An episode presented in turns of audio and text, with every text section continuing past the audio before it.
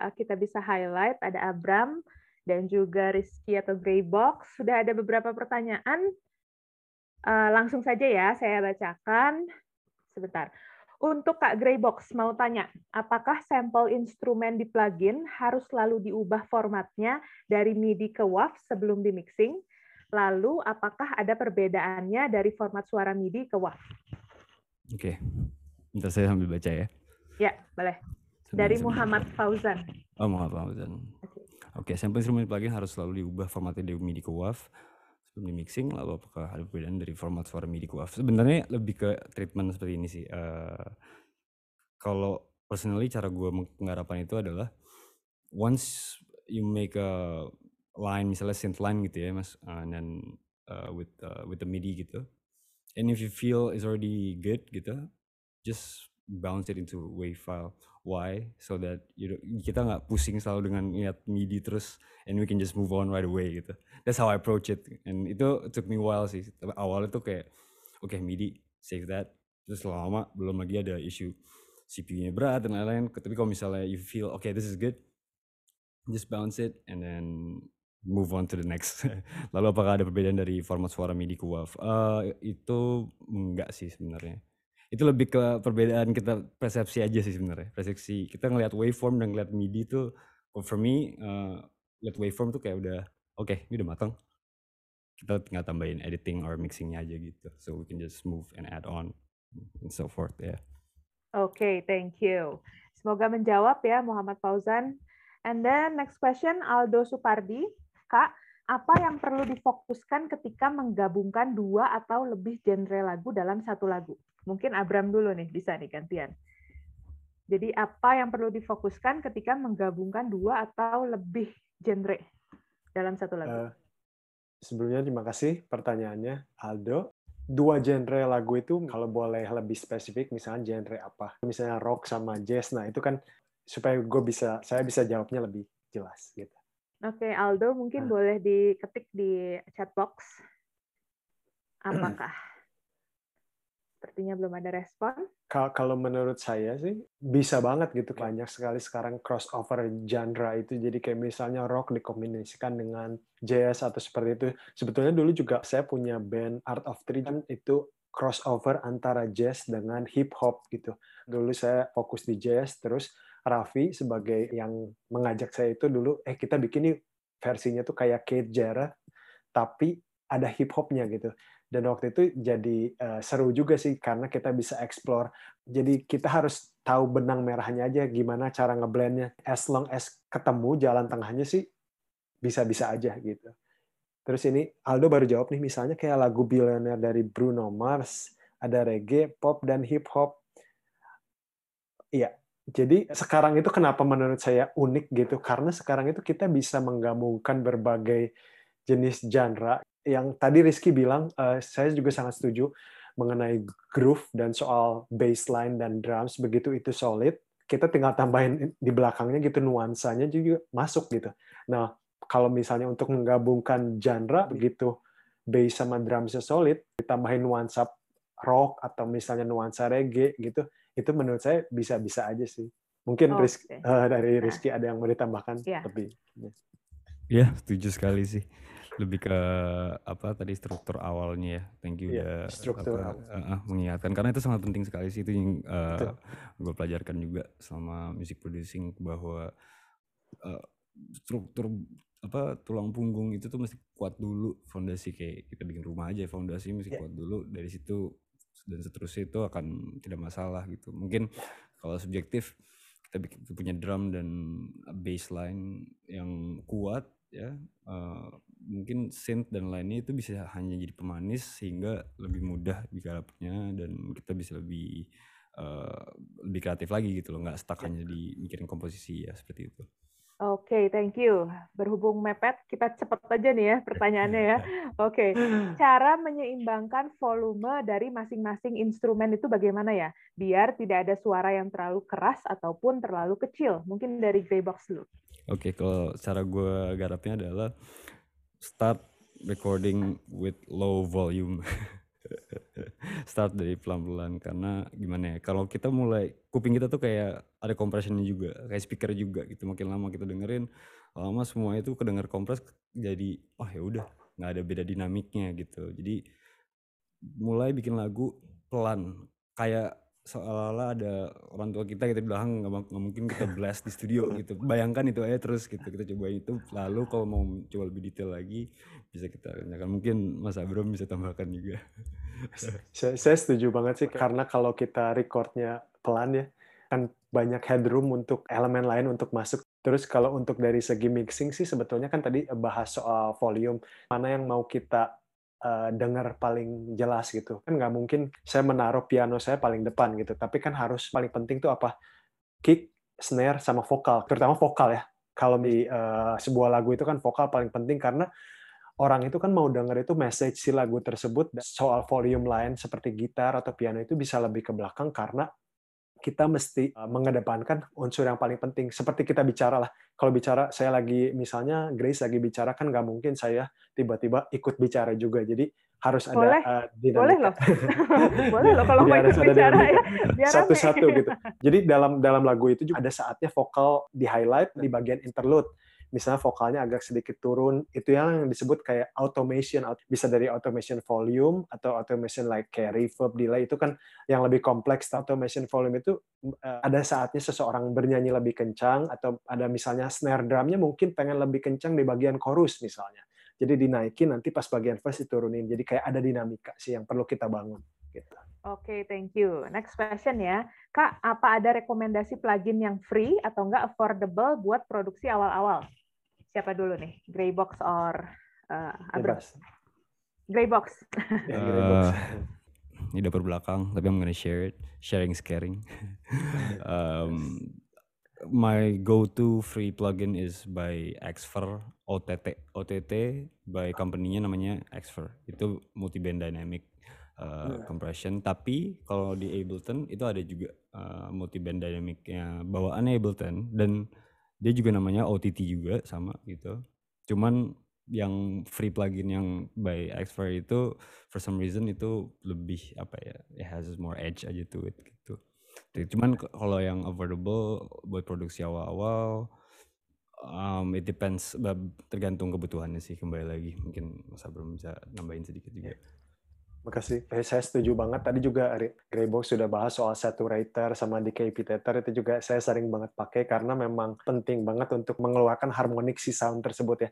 Cuman kan kalau decay tether itu mungkin kita mesti beli, tapi kita juga bisa memaksimalkan dari plugin yang Ableton berikan seperti kayak saturator. Terus kalau misalnya kalian lebih uh, cari sound sound mungkin kalau kalian pakai Logic itu Logic itu banyak ya sound bawaan yang sudah lumayan matang gitu. Cuman berhubung uh, saya pakai Ableton dan Greybox juga pakai Ableton, jadi ada beberapa plugin yang mesti kita uh, beli. Logic udah bagus sih, tinggal kita tweaknya aja. Iya, yeah, setuju sih. Tambah sedikit kayak Logic tuh di DAW yang gue coba, uh, Logic tuh sound instrumental tuh paling yeah. ini sih mantap sih uh, bawaannya bawaannya itu paling nggak bisa nggak bisa dikalahin sih kalau menurut saya gitu seperti itu. Oke okay, siap, thank you. Nextnya uh, bagaimana cari vokalis? Ini kan kalian juga nge-produce gitu kan dan banyak juga lagu-lagu featuring uh, sama vokalis. Gimana caranya memilih vokalis yang tepat untuk lagu yang instrumennya udah jadi ini semuanya? Hmm. Oke, okay. Bram dulu mungkin Bram. boleh boleh. Menarik sih. Kalau saya sih biasanya waktu buat lagu itu saya coba pikirin juga nanti ini paling cocok dinyanyiinnya sama siapa misalnya. Nah dari situ saya mulai research. Oh eh, karakter suaranya seperti apa. Terus biasanya kan kalau saya nulis lagu juga bareng ya. Karena kan saya lebih ke produce. Jadi ada dibantu, terutama lirik bahasa Inggris orang di sini pasti lebih fasih dibanding saya orang Indonesia gitu. Jadi dibantu sama mereka, kita lihat mana sih karakternya yang paling cocok. Kalau begitu musik kita urban bisa ajak Monica seperti itu. Kalau misalnya tiba-tiba saya cari musiknya rock misalnya mungkin Ari Lasso kepikirannya Ariel Noah atau siapa kayak gitu. Jadi tergantung kebutuhan lagunya sih. Oke, okay, dari Greybox? Iya, dari Oke, uh, setuju. Uh, mungkin kalau dari saya lebih ke teknis sedikit, itu mungkin skenario misalnya contoh ada vokal cowok dan vokal cewek yang bisa dibilang timbrenya beda gitu ya. Itu basically uh, kalau bisa sih try to use the same mic pertama gitu Yes. jangan berbeda ya itu satu Hmm. itu kenapa juga gunanya kenapa mesti beda-beda mic beda-beda karakter and also mencoba untuk oke let's say eh kita cari dulu nih misalnya main vokal itu eh, cewek gitu and then dominan di frekuensi seperti ini cowok kan pasti cenderung lebih berat ya dan kalau bisa kita misalnya kita EQ dulu yang cewek and then yang yang vokal cowok baru kita samakan gitu kita ikuti Hmm. dengan dominannya itu lalu biar bisa nge-glue together mungkin itu sih semoga Oke, semoga menjawab ya. bantu. Oke, Ah. siap. Last question ya. Sebelum nanti kita undang David Manuhutu buat eh, menjelaskan kurang lebih nanti kriteria karya para peserta ini seperti apa sih untuk nanti disubmit dan direview oleh perwakilan dari Berkeley. Wow, ini kesempatan yang sangat-sangat langka ya. Jadi semoga teman-teman semua di sini bisa mendapatkan ilmu-ilmu dan bisa membuat karya eh, based on ilmu yang didapat gitu dari hari ini. Terakhir, em, gimana cara kakak nge-vocal stacking? Bikin stereo positioning-nya antara main vokal sama suara vokal lain. Siapa dulu? vocal stacking tuh eh, tergantung sih kadang kita pengen ada yang double Hmm. ada yang single layer aja di depan gitu Ya. ada yang pengen ada backing vokalnya Oh, banyak left right Oke. gitu mungkin seperti itu ya mungkin itu eh, pertanyaan dari Mas Hendra Eh, kalau menurut saya sih story positioningnya ngebayangin ya seberapa besar eh, musik ini di dalam di kepala kita tuh kalau misalnya kita bikin aransemen. Contoh misalnya rock oke kalau di- misalnya di panggung saat mixing tuh mau seberapa besar? Apakah panggung eh, misalnya festival kecil atau festival apa itu kan masuk lagi gimana kita naruh reverbnya seberapa besar naruh reverbnya placingan panning kiri kanannya eh, Yes. em, volume juga nggak hanya naik turun volume juga bisa main depth juga gitu jadi kita membayangkan dulu satu musik ini secara, gener- secara general itu ditaruh di ruangan atau di area atau di ya apa pun itu Eh, visualisasinya di mana gitu itu menurut saya Oke, gitu ya. ya. Konsepnya dulu berarti ya. konsepnya dulu Ah, ah, betul konsepnya betul dulu. sekali, iya. Ya. Saya tambahin sedikit itu saya Boleh, setuju banget Road Hip Hop Production itu kan ada call and response apalagi yang zaman dulu boom bap gitu. Jadi lead vokal tapi ada sedikit panning ke sebelah kiri atau kanan eh, shout-nya jadi kayak hey atau apa yang segala macam supaya untuk membarengin si rappernya di di komposisi vokal stacking itu. Thank you Rizky. Terus kalau misalnya untuk di pop itu yang saya perhatikan sih mostly itu mereka eh, lead vokal di tengah, eh, jarang ada double. Double itu ada tapi lebih ke belakang. Sisanya itu eh, sangat lebar di background vokal. Jadi low, medium dan high-nya itu eh, panning hard ke kiri sama ke kanan karena mereka pengen kasih stereo image yang besar. Jadi panning vokalnya nggak terlalu deket tapi di, di, dibuat eh, kiri kanan. Ya, Itu sih. Nice. betul setuju Oke. banget. Oke, siap guys. Mohon maaf waktunya terbatas banget hari ini. Eh, terima kasih Siap, banyak siap, untuk siap. Rizky Argadi Praja aka. Greybox dan Terima juga banyak. Abram Ya, Thank you so much Sama-sama. untuk eh, insightful banget ya eh, semua yang dibagikan hari ini. Semoga berguna juga buat para peserta untuk nanti jadi modal bikin karya gitu ya. Amin. Sip, eh, Axel saya kembalikan ke Axel untuk menutup acara ini.